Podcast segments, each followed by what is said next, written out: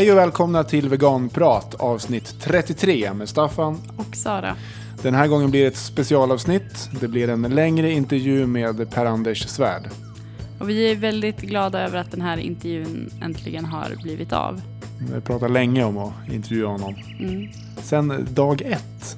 Jag kommer ihåg i planeringsfasen innan vi ens hade gjort ett avsnitt så spånade vi lite över eh, tänkta, eh, vad säger man? Intervjuoffer. Ja, intervjuoffer. Och då var Per-Anders Svärd nämndes. Ett hett namn. Ett hett namn på vår lista. Vi kör en liten presentation. Per-Anders Svärd är statsvetare och djurrättsdebattör. Han blev aktiv i djurrättsrörelsen på 90-talet och har bland annat varit ordförande för Djurens Rätt under några år i mitten av 00-talet. De senaste åren har han bloggat och skrivit artiklar om djurrätt och veganism ur ett abolitionistiskt perspektiv. Men framförallt har han arbetat på en doktorsavhandling om hur djurskyddsideologin växte fram i Sverige och hur den möjliggör fortsatt djurutnyttjande. Avhandlingen, som heter Problem Animals, blev färdig för bara några veckor sedan och den tar avstamp i Sveriges första lag mot djurplågeri som kom i mitten av 1800-talet och går i mål 1944 när Sverige får sin första djurskyddslag. Eh, men vi fick ju i alla fall upp ögonen för Per-Anders Svärd via den här bloggen som han har haft. Eller Per-Anders, eh, PA kallas han ju. Mm. Av vilka? Ja. Av hans vänner antar jag, de som känner honom. Ja. Ja, jag tycker det är svårt. Det är svårt med smeknamn. Det är svårt också att använda smeknamn om personer som man inte känner själv. Men jag, jag, nu, vi säger PA. Ska vi säga PA? Ja, vi tar oss rätten. Eh, Men i den här bloggen som PA har så finns det ett inlägg som handlar om vegetarianer. Eh, Och det är alltså summan av kardemumman är du blev väl inte vegetarian för att fortsätta döda och utnyttja djur. Eh, Och det här blogginlägget har cirkulerat ganska mycket i sociala medier och så. Och det är väldigt bra. Eh, Kvällen jag varit vegan så satt jag med det blogginlägget uppe och sen hade jag en annan sida uppe med en text från Gary Francione. Så jag satt och hoppade mellan texterna och sen bara pff, nu är jag vegan. Ja, men jag kommer ihåg, jag läste också väldigt mycket på den där bloggen precis i början. När jag blev vegan också. För att jag var väl i den här äh, informationsinhämtningsfasen. Försökte lära mig så mycket som möjligt om veganism och djuret och så. Kommer ihåg att jag uppskattade Eh, ja, med PAs blogg väldigt mycket. Jag tyckte att han stod för en ja, men, ganska prövande och undersökande abolitionism.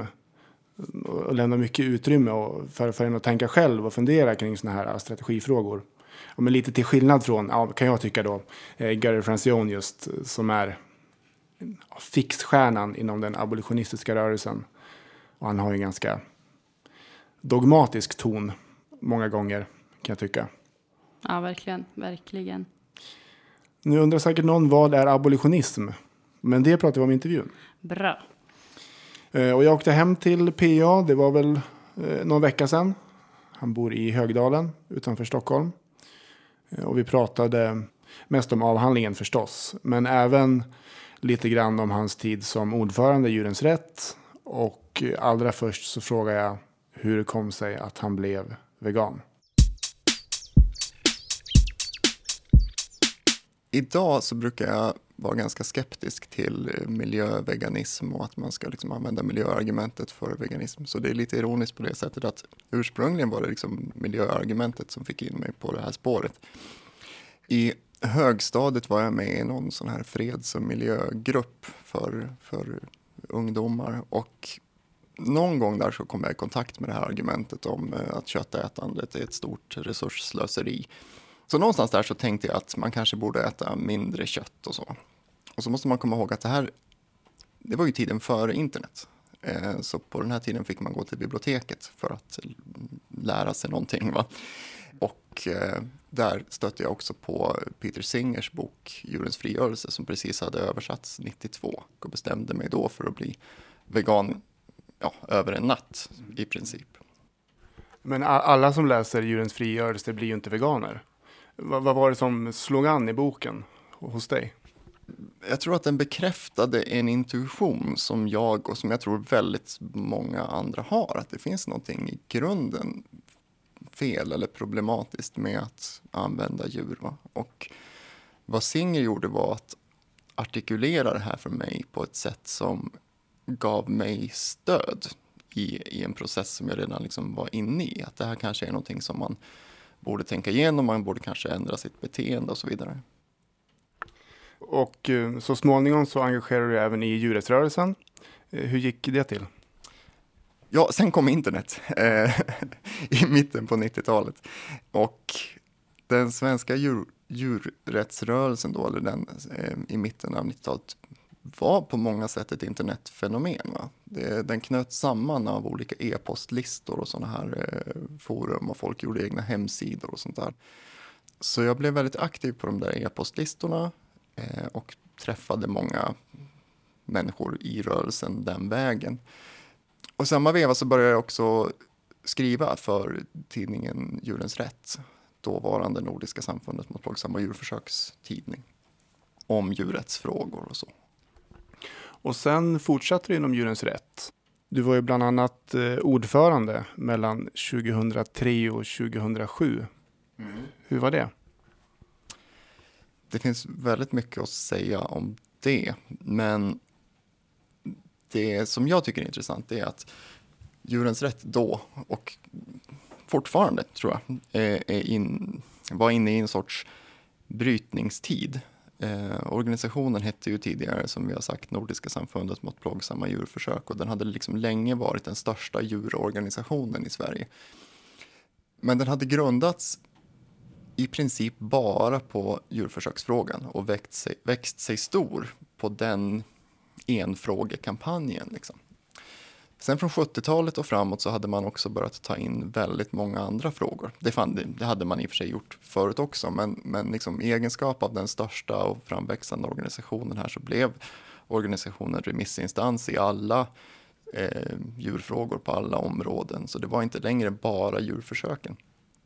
Eh, sen på 90-talet så kom ju någonting parallellt med den här etablerade organisationen, den, den här så kallade veganrörelsen som jag och många andra var en del av då. Som kom från ett annat håll. För oss var det matfrågan och djurens rättigheter som var det viktiga, det som stod i centrum, det stora problemet. Liksom. Och vi såg också den här frågan som en del av en större social rättviserörelse, som en, i princip som en del av ett mycket större vänsterprojekt. Va? Och det här krockade ju på många sätt med den här gamla organisationen som var grundad utifrån djurförsöksfrågan. Eh, och det ledde till väldigt mycket konflikter under eh, framförallt 90-talet. Till exempel debatten om huruvida organisationen skulle byta namn till Djurens Rätt eller inte. När var det? Eh, 1999 bytte man namn. Utifrån så tror jag många eh, liksom har den här uppfattningen att Djurens Rätt är väl liksom någon sorts veganorganisation, har alltid varit det. Men eh, traditionellt sett så har det ju varit en allmän djurskyddsorganisation där de flesta medlemmar har ätit kött och så vidare. Och det är förmodligen fortfarande så, även om jag inte har några exakta siffror på det. Så att vara ordförande för den organisationen var svårt på många sätt. Eh, framförallt att hålla ihop organisationen och att vad man än gjorde så blev någon arg på en för att man inte var tillräckligt radikal eller för att man var för radikal. Det låter rätt så jobbigt faktiskt. Eh, men sen så slutar också i Djurens Rätt. Eh, varför? Ehm, för mig blev det, blev det mer och mer frustrerande eh, att behöva jobba inom en sorts ehm, system eller paradigm där som en del har kallat för eh, eh, det nya djurskyddet eller new welfareism. Där har ju tanken varit att vi har en i grunden djurrättslig agenda, va? men vi kommer inte kunna övertyga folk över en natt. Vad vi däremot kan det är att hitta de här enkla frågorna där vi kan få med oss folk. Folk tycker inte att hönor ska sitta i små burar, de tycker inte att exotiska djur ska användas på cirkus. Och om vi kan liksom väcka deras engagemang i de frågorna så kommer de att så småningom utveckla en mer radikal djurrättsmedvetenhet. Och det här har varit förhoppningen över hela världen i den här typen av organisationer och där det har funnits människor med en radikal djurrättsposition under väldigt många år och som har liksom sett det här som en, den enda framgångsrika strategin för oss på 90-talet var det inte helt självklart att det där var nödvändigt helt enkelt. Hela veganrörelsen väcktes ur någonting helt annat än de här eh, enfrågekampanjerna och reformkraven och så. Där var det bara den plötsliga insikten om att djur är medvetna, kännande varelser. Vi behöver inte använda dem. Det är förmodligen fel att vi exploaterar och dödar dem när vi inte behöver göra det. Det, det, det är inte svårare än så. Och för oss var det väl lite grann som att, ja men gud, om vi kan förstå det här, eh, då kan väl alla förstå det omedelbart. eh, det kanske gjorde oss ivriga i, i, ibland, för ivriga ibland, men det där, är, det där är ingen omöjlig tanke. Människor kan greppa den och grepp, folk greppar den allt snabbare idag. Idag så kallar du dig för abolitionist och eh, det brukar jag också göra, i alla fall ibland. Och många andra också för den delen. Eh, men jag tycker att det där är ett ord som blir eh, lite svårare och svårare att förhålla sig till, tycker jag. Eftersom det är så många som kallar sig abolitionister och många lägger in olika betydelser i ordet. Så jag undrar, vad betyder det där ordet abolitionist för dig? Jag använder det så här, helt enkelt att det handlar om vilket budskap man försöker sända ut, om vilket budskap man, man sänder ut i praktiken. Alltså, försöker man kommunicera att vi borde sluta utnyttja andra varelser för våra egna syften? Eller ägnar man sig istället åt att liksom försöka finslipa djurskyddssystemet som det ser ut? Där går gränsen mellan en abolitionistisk eh, inställning eller strategi och en, en djurskyddslig inställning eller strategi för mig. Eh, för jag ser det lite grann som ett nollsummespel, att våra aktiviteter kostar pengar, tid, resurser, personlig energi och så vidare. Vad ska vi använda tiden, resurserna och så vidare till? Ska vi försöka säga det vi vill? Eh, eller ska vi liksom prata runt det och sen hoppas på att människor någonstans upptäcker att Nej, men det var egentligen det här de försökte säga. Va? Eh, och jag tror att vi är i ett helt annat läge idag också. Den här, den här, mycket av den här, den här försiktighetsstrategin föddes under en, en tid som var, som var helt annorlunda. 70, 80 och 90-talen var en helt annan värld. Va? Eh, ur alltså om man ser det ur möjligheten att få människor att uppmärksamma djurrättsfrågor eller konvertera till, till veganism.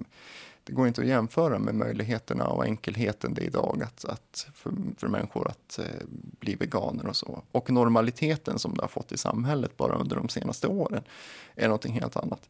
Så jag tror inte, jag tror inte att man behöver vara rädd för det, den positionen längre heller om, om det nu är så att en av fem under 40 redan har, har slutat äta kött eh, så är vi på väg mot vad jag hoppas är någon sorts kritisk massa där det här inte alls är konstigt längre utan är på väg att bli en ny samhällsnorm. Och efter Djurens Rätt så började du blogga och du flyttade även in på akademin. Du hade forskarplaner. Eh, hur, hur tänkte du där i början?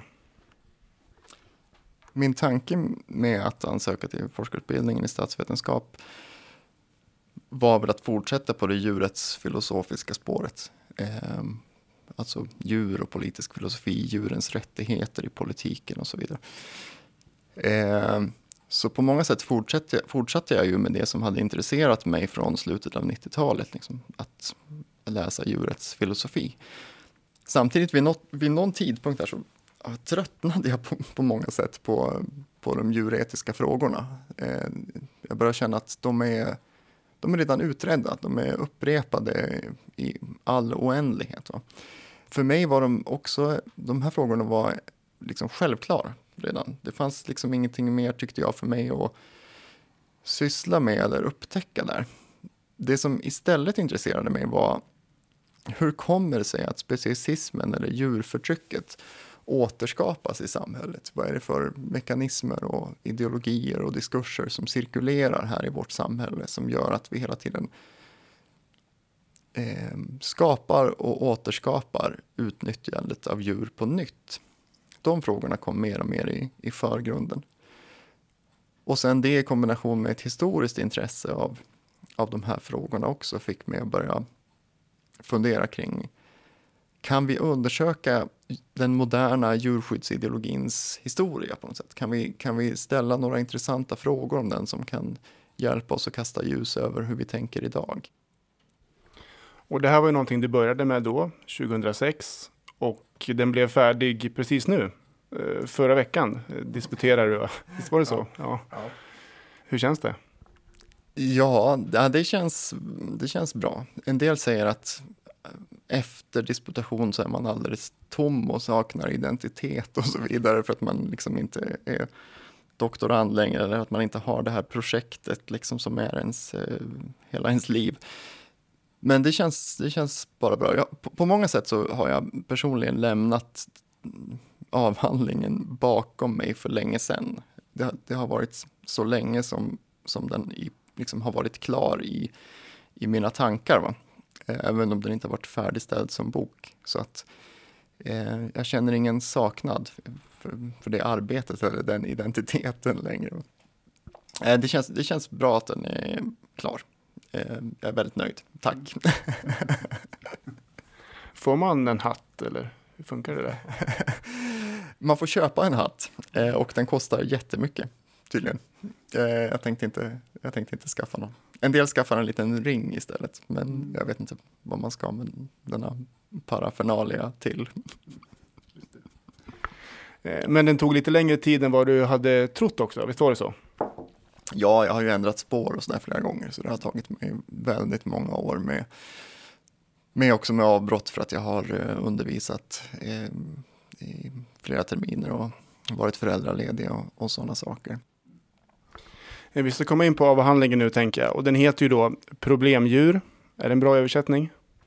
Problem animals, ja det kan man väl säga. Eller ja, det är väl mångtydigt på det sättet. Problemet med djur eller problemet med djurbehandlingen.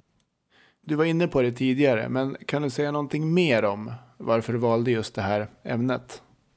Ja, jag har ju haft ett intresse av djurskyddsideologin. Alltså den här föreställningen vi har kanske extra mycket i ett land som Sverige där vi hela tiden pratar om hur bra vi är på att behandla djur, där djurskyddet har en så stark ställning som någonting positivt, där alla är för djurskydd, staten, politikerna, eh, konsumenterna, till och med de djurexploaterande företagen säger att de står för djurskydd. Liksom. Det är något så här allmänt gott som alla är för på något sätt. Samtidigt som djur behandlas som egendom och kan eh, födas upp i miljontal, dödas i miljontal för produkter som vi inte behöver. Och engagemanget i samhället för den här djurvänligheten och kontrasten till den faktiska behandlingen av djur framstår ju för någon djurrättsligt sinnad person som, som eh, ett stort, gigantiskt mysterium. Eh, ett gigantiskt problem. Hur kommer det sig att vi har den här identifikationen och det här engagemanget för djurvänligheten samtidigt som vi är allt annat än djurvänliga i verkligheten? Så det är ju det som jag har velat försöka fånga. Och vad jag försöker göra i avhandlingen är att göra det här ur ett historiskt perspektiv. Alltså att fråga var kommer djurskyddsideologin ifrån som vi känner den? Hur uppstod den på den politiska nivån? Du, du vill ju du vill ju nyansera bilden lite grann vad jag förstår kring hur det gick till när Sverige fick sin första djurskyddslag då 1944. Mm. På, på vilket sätt eh, vill du ändra bilden? Jag tror att vi allmänt sett har en bild som ser ut ungefär så här. Att samhället har blivit mer djurvänligt. Att vi idag bryr oss mer om andra varelser än tidigare. Att vi är mer sofistikerade, raffinerade i hur vi i våra moraliska attityder i samhällets kultur överhuvudtaget. Och även i den praktiska behandlingen av djur, att vi har omfattande djurskyddsregler och så som inte fanns förut. Så det finns liksom en sorts progressionshistoria här, en historia av ständiga framsteg där medkänslan och omtanken liksom övervinner gamla fördomar och eh, som, ja, kanske i slutändan kommer att leda ännu längre än vad det kommit idag, en sorts förfining av det mänskliga samhället. Men jag tror att det är på många sätt en ganska självsmickrande bild som också hjälper till att utnämna vår egen tid till den mest djurvänliga av alla. Det kan liksom inte vara, vara på något annat sätt. Eftersom vi är längst fram i tiden så är vi också längst fram i den här framgångshistorien. Och jag tror att det är mer problematiskt än så om man tittar på vad som faktiskt hänt genom historien och hur problemet med djuranvändningen har formulerats genom tiderna. Vi, vi backar bandet tycker jag till 1858 och Sveriges första lag mot eh, djurplågeri. Eh, och vad, vad var bakgrunden till den här lagen och hur var den utformad? Ja, innan 1858, eller lagen stiftas 1857 och träder i kraft 1858, eh, så fanns det ingen formell reglering av behandlingen av, andra, eh, av, av djur. Förutom en skrivning i eh, Byggningabalken från 1736 där det slogs fast att det, man kunde få böter om man sargade annans fä. Om man sargade eller dödade an, annans fä. Vilket i princip var en sorts egendomsskyddslag. Ehm, jag kunde få böter om jag hade ihjäl din ko eller din hund. Ungefär på samma sätt som om eh, jag kunde få böter om jag rev ditt stängsel eller hade sönder någonting som du ägde. Och det är först under 1800-talet som man börjar prata om djur som så att säga skyddsvärda för sin egen skull. Och den första motionen om att förbjuda djurplågeri kommer i adelsståndet eh, 1844. Och det är en motion som eh, klagar på att eh, eh åkare och åkaredrängar på Stockholms gator piskar sina hästar eh, för hårt. De lastar sina hästar för tungt. Eh, och motionären säger att det är en pinsam grämelse att behöva åse det här som man ser varje dag på Stockholms gator. Så det man reagerar på då, det är eh, aktivt våld eller överansträngning eh, av djur och som man vill ha reglering av. Men samtidigt så handlar det här också om att det är inte vilket djurplågeri som helst, utan det är vissa grupper som står för det. Och i det här fallet en underklass eller en arbetarklass som står för det. Och det är ganska tidstypiskt det här att man försöker disciplinera eller kontrollera eller uppfostra de här lägre samhällsskikten. Så det handlar delvis om att skydda djuren för deras egen skull, alltså en insikt om att djur är lidande varelser och så. Men det, det, är också liksom hela tiden under den här tiden parat med den här tanken om att man måste civilisera och begränsa de här råa eh, underklasselementen som drivs av girighet och som är inte tillräckligt utbildade och behöver vägledning så att säga för att bli respektabla samhällsmedborgare. En formulering i den här första djurplågerilagen är att eh, vi inte får använda uppenbar grymhet mot djur. Och den här formuleringen den, återkom, den återkommer du till gång på gång genom hela avhandlingen. Varför, varför är den så central? Ja, det man säger, de här första, eh, den här första motionen 1844 leder inte till någon direkt åtgärd, men på 1850-talet eh, så antar man en lag då som säger att den som i behandlingen av egna eller andras kreatur uppvisar uppenbar grymhet kan straffas med böter. Sen hänger den formuleringen kvar, uppenbar grymhet, hänger kvar ända fram till eh, 1940-talet. Men när man inför den så har man i åtanke det jag just pratade om, att eh, man föreställer sig att framförallt att de lägre skikten i samhället måste begränsas och liksom regleras, disciplineras på olika sätt. Alltså när man då använder begreppet uppenbar grymhet så har det, liksom en, tror jag, en ganska tydlig betydelse eh, för de som använder det. De vet vad de menar med det. Men det visar sig också att det kan tolkas på så väldigt många olika sätt. Vad är egentligen uppenbar grymhet? Är det det som är uppenbart enligt de gängse samhällsnormerna, att det finns gränser för hur hårt man kan slå en häst som drar en vagn? Eller, eh, eller ska man se det liksom som någon sorts absolut måttstock, en absolut gräns för den, när någonting blir uppenbart grymt? Eller ska man se det som någonting som är uppenbart grymt ur djurets egen synvinkel? Alla de här tolkningarna är ju möjliga. Och det är just det som djurskyddsreformatorerna på den här tiden tar fasta på. De försöker ju göra sitt bästa för att utvidga betydelsen av uppenbar grymhet. De börjar ställa frågor som, ja, om det nu är uppenbar grymhet att piska en häst väldigt hårt på gatan för att hästen ska dra ett tungt lass upp för en backe. Om det nu är uppenbart grymt, är det då inte också uppenbart grymt att till exempel skära upp levande grodor på ett laboratorium? Är det inte uppenbart grymt att slakta djur utan bedövning till exempel?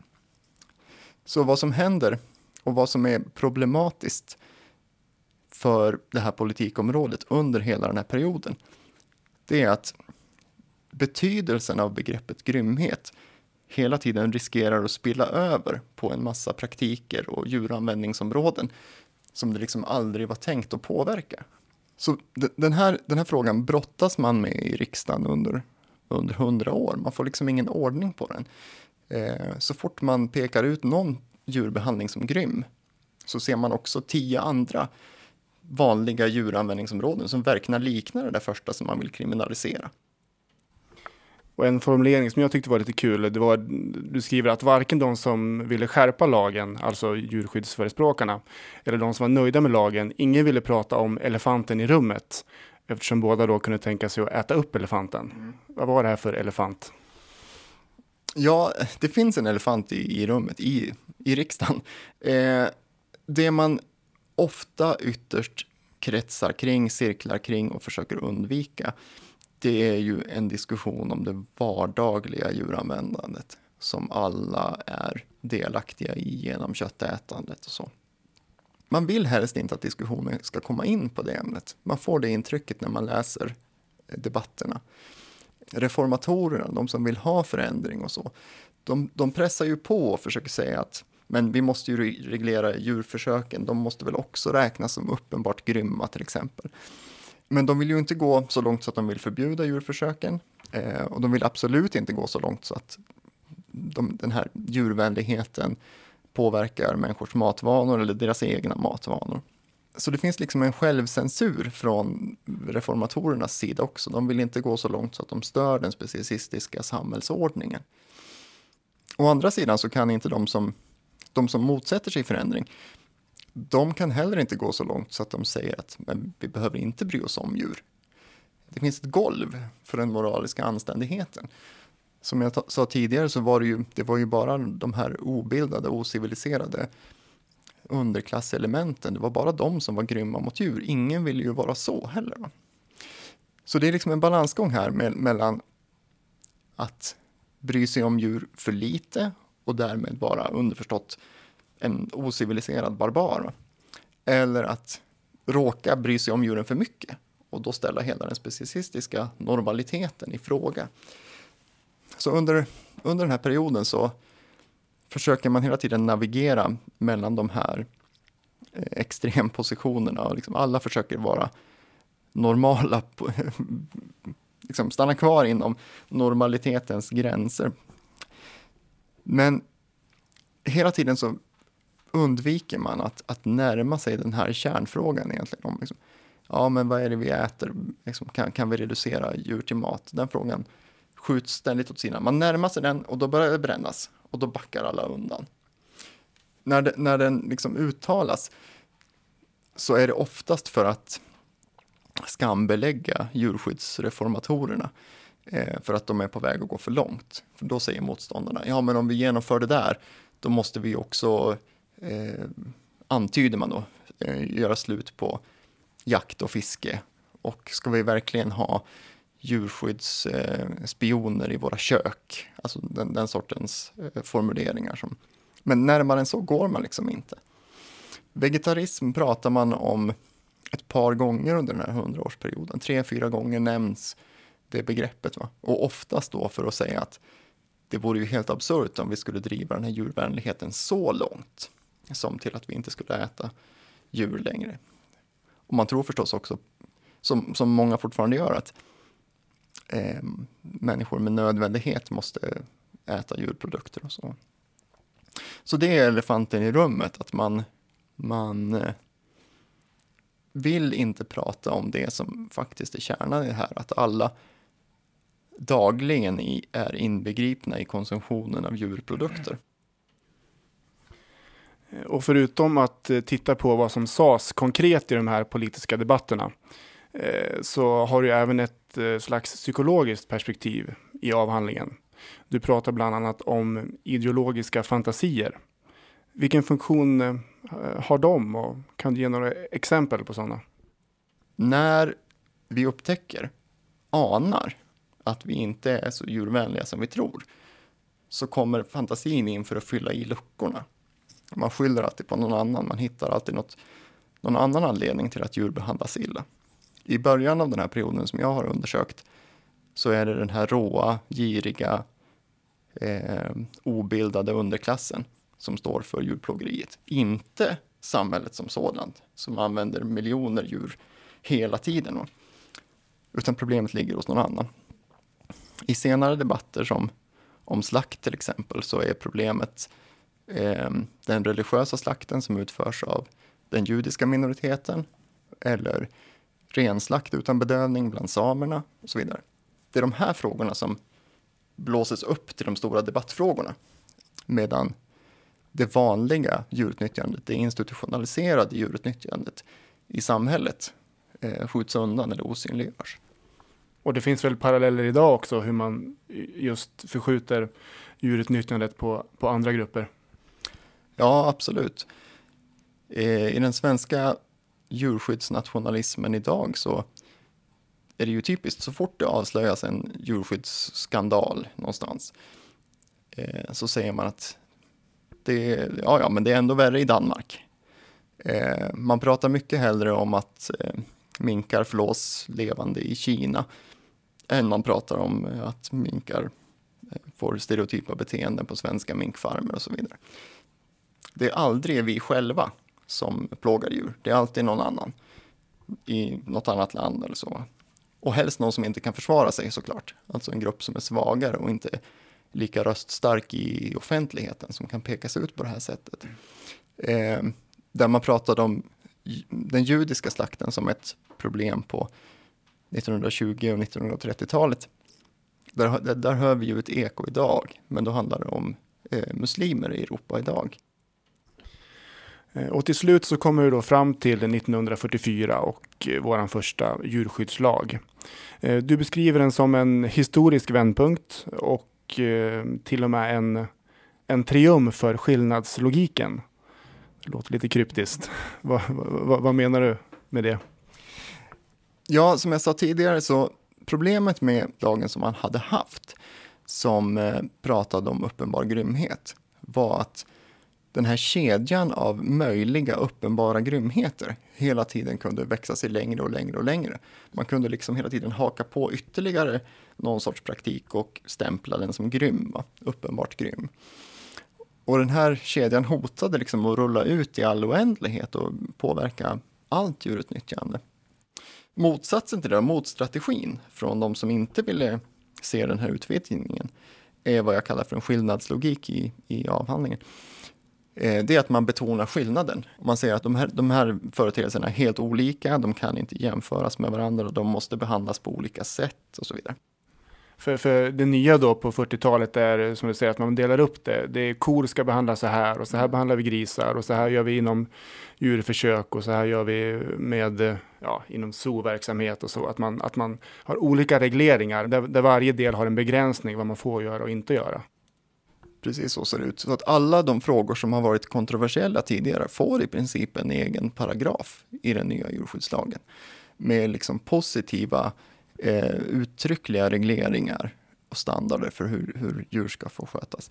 Det här kommer också i en tid va, eh, där storskaligt jordbruk börjar växa fram. Det vill säga i en tid där man kommer att institutionalisera grym behandling av djur så gör man principen om uppenbar grymhet helt verkningslös och tar, tar eh, till sist bort den. Och vad man säger istället är att allt det här som kommer att göras ska vara helt lagligt så länge det lever upp till de här eh, minimivillkoren. Eh, och på det sättet så, så, menar jag att den nya djurskyddslagen innebär en ideologisk vändpunkt. Man, man neutraliserar hela det problemet man tidigare hade med att eh, allt för många praktiker skulle kunna betraktas som grymma. Och döljer dem genom att hacka upp dem och stycka upp dem i enskilda frågor.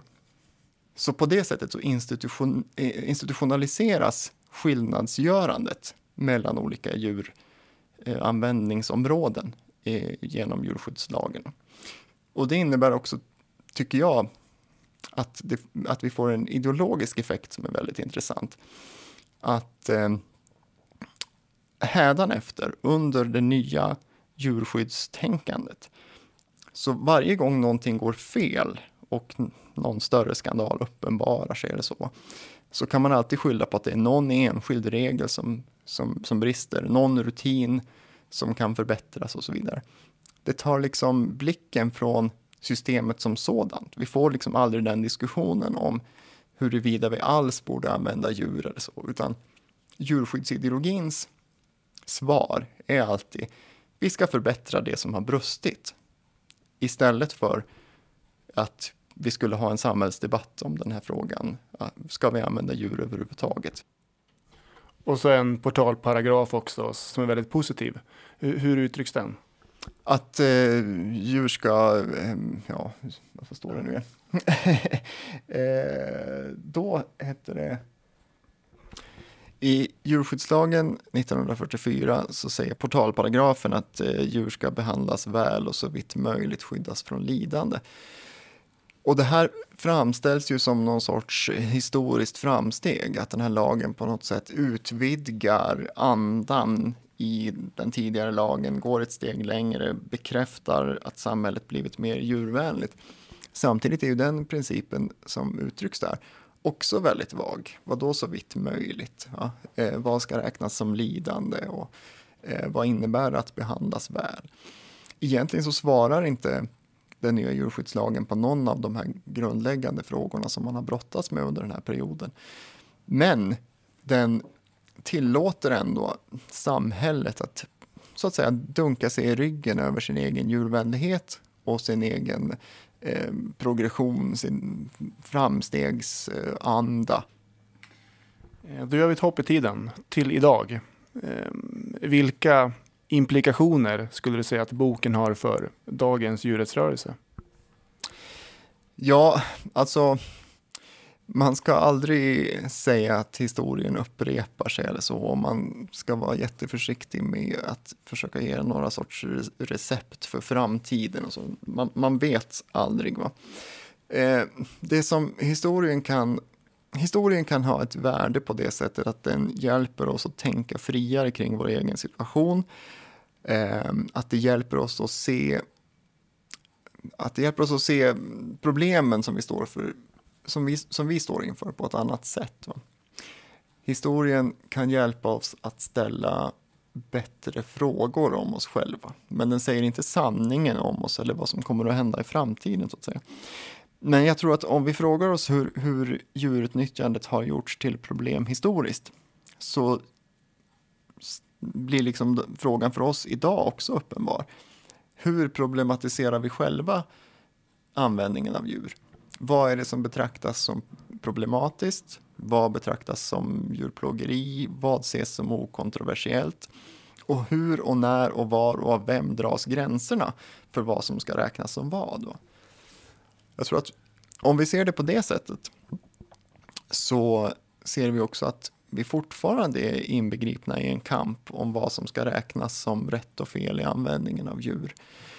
Och att vi kan bli mer uppmärksamma på vad vi själva gör och eh, vad som händer i samhället i de här termerna. Och ur djurrättsligt strategiskt perspektiv så blir ju frågan då liksom, i vilken mån är vi själva med och bekräftar eh, den vanliga problematiseringen av djur? I vilken mån är vi med och förskjuter problemet till andra grupper?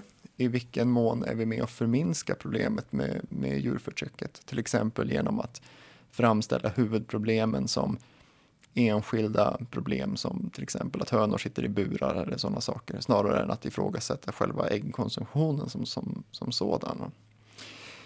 Ur ett historiskt perspektiv så kan man väl säga att det är ganska tydligt under den här perioden hur djurskyddsreformatorerna genom att anpassa sig till den specialistiska normativa ordningen eh, tar udden av sin egen kritik.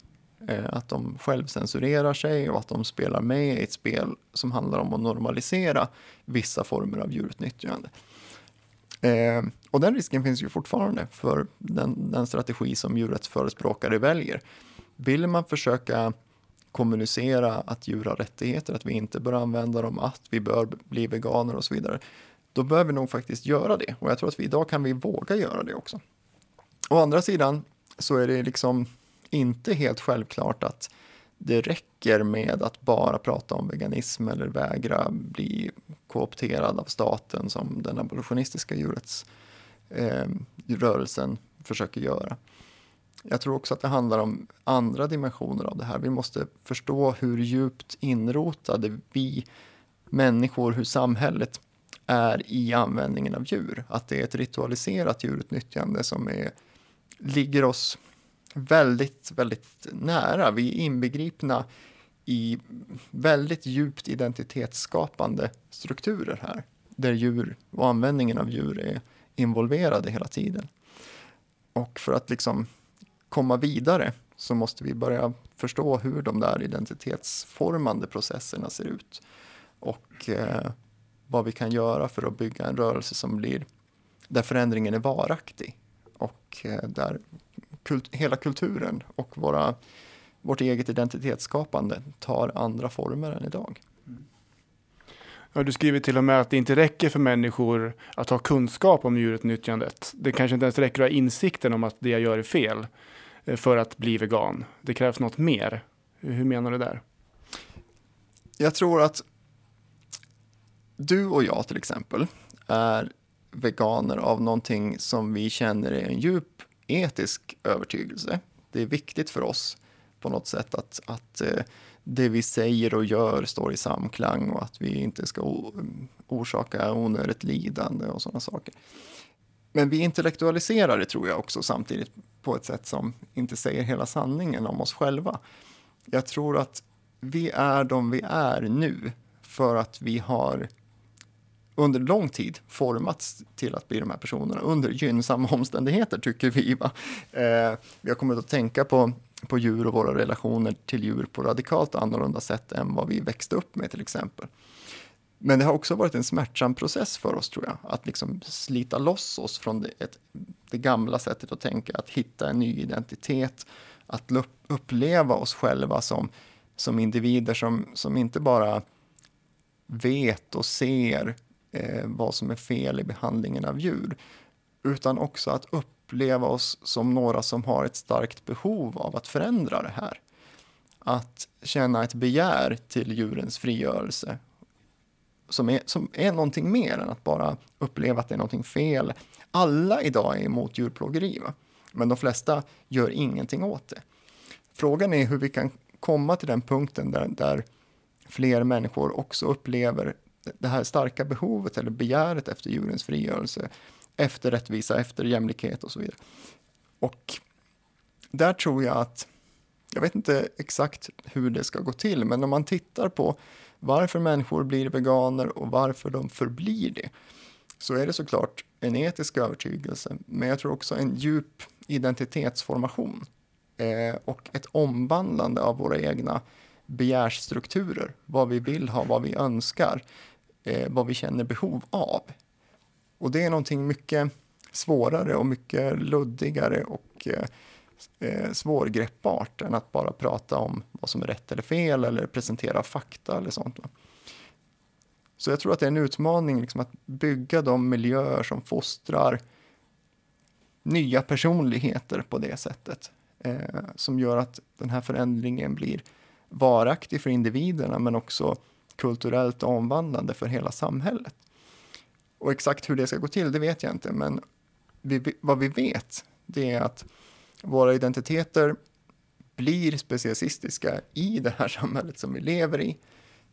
Hur skulle ett annat samhälle se ut där vi fostrar andra personligheter som blir antispecialistiska, som kan eh, uppleva andra former av respekt och vördnad för djur som en del av vardagen, som en del av den självklara vardagliga existensen. Det är den stora utmaningen för framtiden.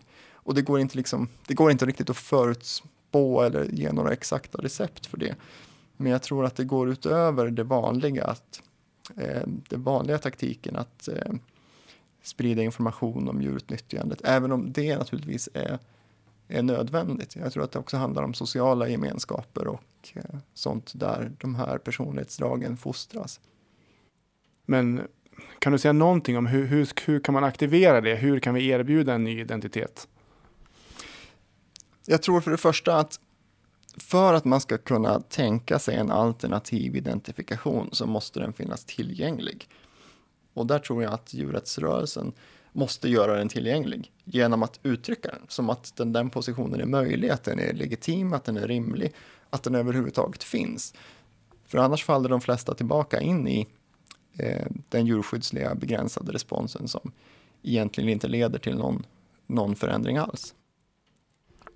Eh, det pågår ju ständigt sådana här strategidiskussioner inom rörelsen. Vad ska vi göra? Vad ska vi inte göra? Och den är ju väldigt levande just nu. Den har varit levande i många år och den kan ibland bli ganska hetsk.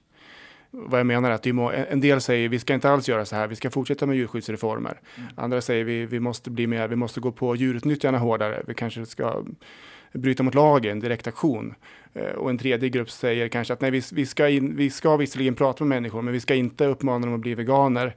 Vi ska uppmana dem att äta mindre kött för att eh, det i, i sin tur kan leda på sikt till att de blir veganer snarare än om vi säger det först. Mm.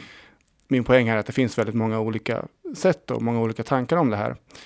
Ehm, och, och din bok är också på sätt och vis då, även om du inte har några superkonkreta rekommendationer hur vi ska göra, ett inlägg i den här debatten. Så jag undrar, alltså, vad, vad tycker du, är det viktigt med sådana här strategidiskussioner? För en risk är ju också att det kan trasa sönder rörelsen och göra folk eh, handlingsförlamade. Och kan det inte vara bättre då att eh, djurrättsaktivister gör lite olika saker, hoppar på den organisationen man kanske tror på, och så lägger vi istället kraft på att rekrytera nya aktivister eh, som gör något, vad som helst. Mm. Eh, ja, vad tänker du? Ja, naturligtvis är det bättre att göra någonting än att göra ingenting. Eh, men samtidigt så finns det heller ingen praktik utan teori. Även om man säger att man att man vill eh, göra saker snarare än att prata. Så vad man än gör så gör man det utifrån någon föreställning om vad som kommer att hända, hur samhället är, eh, hur människor är beskaffade, vad de kommer att lyssna på och vad de inte kommer att lyssna på. Så vad man än gör så finns det en teori där i bakgrunden, en outtalad eller uttalad. Eh, och därför kan också alla strategier och allt agerande bedömas utifrån den underförstådda eller uttalade teori som ligger och kritiseras utifrån det. Det viktiga tror jag är att man är självreflekterande över vad man gör, varför man gör det och så vidare. Även om det är, alltså det, det är klart att det inte ska drivas till någon sorts passivitet eller så. Eh, så att man bara sitter och grubblar över vad som kan tänkas funka och vad som, eh, ja, hur det ska gå och så vidare. Så att man i slutändan inte gör någonting. Samtidigt så, så, samtidigt så kan det bara inte vara så att alla strategier är lika bra i alla sammanhang. Så kan det ju inte vara. Och det, och det inför ju automatiskt ett ansvar. Vi som gör någonting eller försöker göra någonting har ju också en skyldighet att försöka göra det på det bästa sättet. Va? Och det här kan vi bara utvärdera historiskt och vi kanske inte har kommit så långt så att vi kan göra det. Men jag tänker så här när det gäller strategi, att strategi handlar om att tänka baklänges. Att man måste börja med det resultat man föreställer sig. Och sen funderar man bakåt och frågar sig vad är det som möjligtvis kan ha kunnat åstadkomma det här resultatet? Så om vi tänker oss att vi befinner oss i en framtid mer eller mindre avlägsen där djurförtrycket som vi känner det är avskaffat. Eh, och där går vi in på ett museum i det samhället och ett museum över djurexploateringen Eh, och vi kommer in där och vi kommer att förundras över hur kunde människor bete sig på det här sättet under så många århundraden, årtusenden. Men sen när vi börjar titta oss omkring där inne så kommer vi också att se berättelser om vad det var som förändrade det samhället och avskaffade djurförtrycket.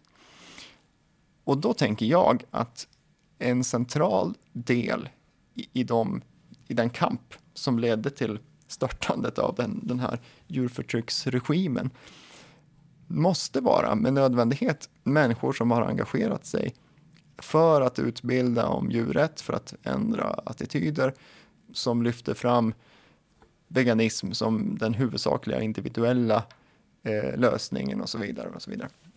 Naturligtvis kommer det här hela tiden att, den här historien kommer också handla om alla de här djurskyddsreformerna och så.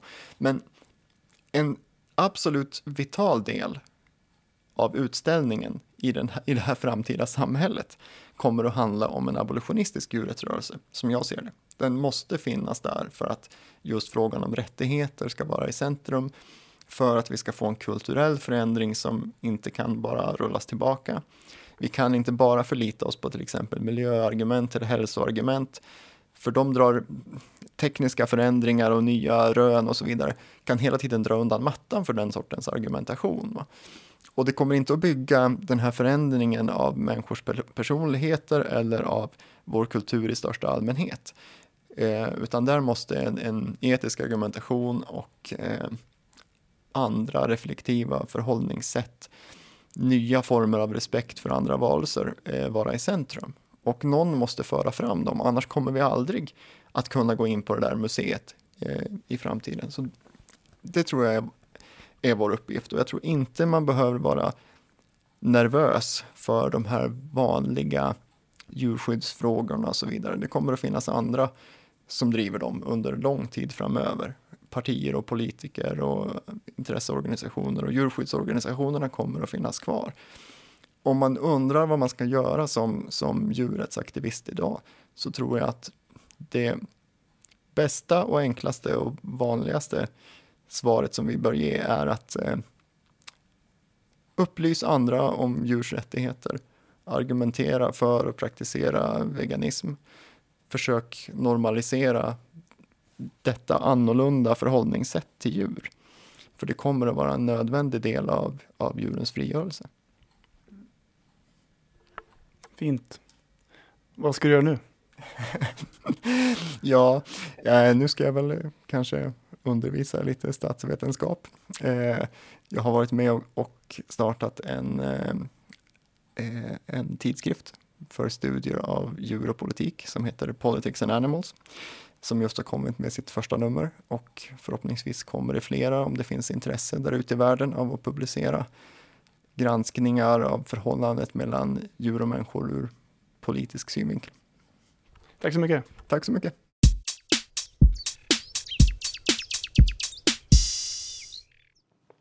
Jag tänker på det här Nej, men med avhandlingen, när jag läste den. Eh, den bilden som jag tycker är tydligast, som jag har, som jag har med mig efteråt. Det är just det här 1944 eh, när djurskyddslagen kommer. Jag ser det framför mig nästan som att specicismen drar en suck av lättnad. Det är så här. Mm. Ah, nu kan vi härja fritt. Men precis. Ja, har jag, nu har jag hållit på att få stångats med det här eh, grymhet, uppenbar grymhet i mm. liksom hundra år. Men nu så äntligen så. Mm. Ja men verkligen. Alltså jag tycker att det är så himla bra. Obeskrivligt bra. Det är precis det här vi behöver. Vi behöver synliggöra varför vi fungerar som vi gör, hur det har sett ut, hur liksom, ja men hur vi har skapat den här världen som vi lever i idag, vilka diskurser som har format oss och, och vi måste synliggöra det och bli medvetna om det för om, om inte det händer, då kan vi inte göra ett brott mot det. Då kan vi, liksom inte, då kan vi inte mobilisera oss och liksom möjliggöra någon förändring. Vi måste, vi måste få teorin, vi måste synliggöra. Mm. Nu gör du någon slags handrörelser här för att ja. visa hur det ska synliggöras. Eh, och jag tänker också att det här, det är, vad är det nu, det är 2015? Sex, ja. 2015. Men det känns ju ändå som ett pionjärarbete det här. Mm. På något märkligt sätt. Mm. Men det är väl, tänker jag, mer ett tecken på att djurrättsrörelsen är ändå ganska ung. Om man jämför med den feministiska rörelsen som, som flyttade in på universitet och högskolor kanske redan på 70-talet. Och man började med teoriutveckling och skriva om historien och varför blev det som det blev. Och, eh, där är ju inte vi alls inom djurrättsrörelsen. Vi vet ju ingenting. Nej. Vi vet ju knappt någonting om hur det har varit tidigare i, i, i människa-djurrelationen. Mm. Sen pratar vi mycket om det här på slutet, om förändring och identiteter. Och Har du några tankar om det? Ja. Nej, men det är väl som, som PA och du pratade om. Att eh, om det nu finns en, en djurskyddsdiskurs i samhället så är det givet att de allra flesta i det här samhället då har det rotat i sig, i sin identitet. Tanken om djurskydd och så vidare. Och för att någonting annat ska bli möjligt så måste människor bryta mot de här normerna så att det växer fram en annan, någonting annat som vi kan göra till delar av vår identitet. Så bli vegan. Det var allt för den här gången. Nästa gång är vi inte tillbaka med ett vanligt avsnitt. Nej. Utan det blir ytterligare en special. Eh, vi tänkte åka till vegomässan i Stockholm. 12 december. Ja. Vi ska inte göra någon livepodd. Nej, det sa vi nej till. Mm. Det gör vi inte, för vi behöver klipptid. vi klipper oss eh, bättre än vad vi är. Ja, vi Klipper till oss lite. Så att live blir det inte. Men vi tänkte vara där och vad ska vi göra där, Staffan? Ja, vi tänkte ju ändå åka som veganprat. Inte som Staffan och Sara. Staffan och Sara är representanter för veganprat åker vi som. Exakt. Nej, men vi tänkte ha ett bord i utställningshallen. Så mycket vet vi.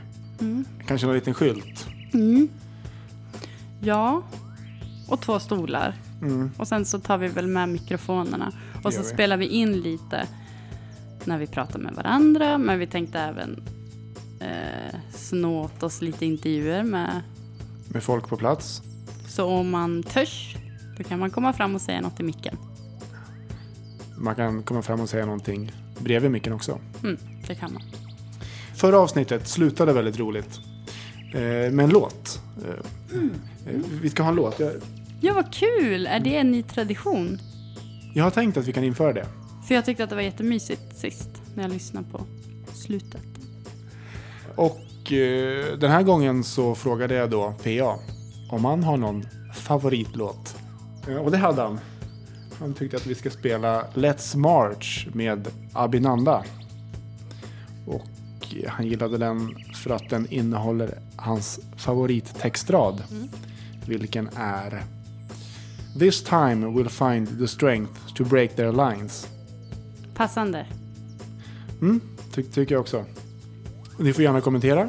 På vår hemsida veganprat.se eller mejla oss. Kontakt snabel a veganprat.se Och om du inte är vegan, Bli vegan. Hej då! hej då!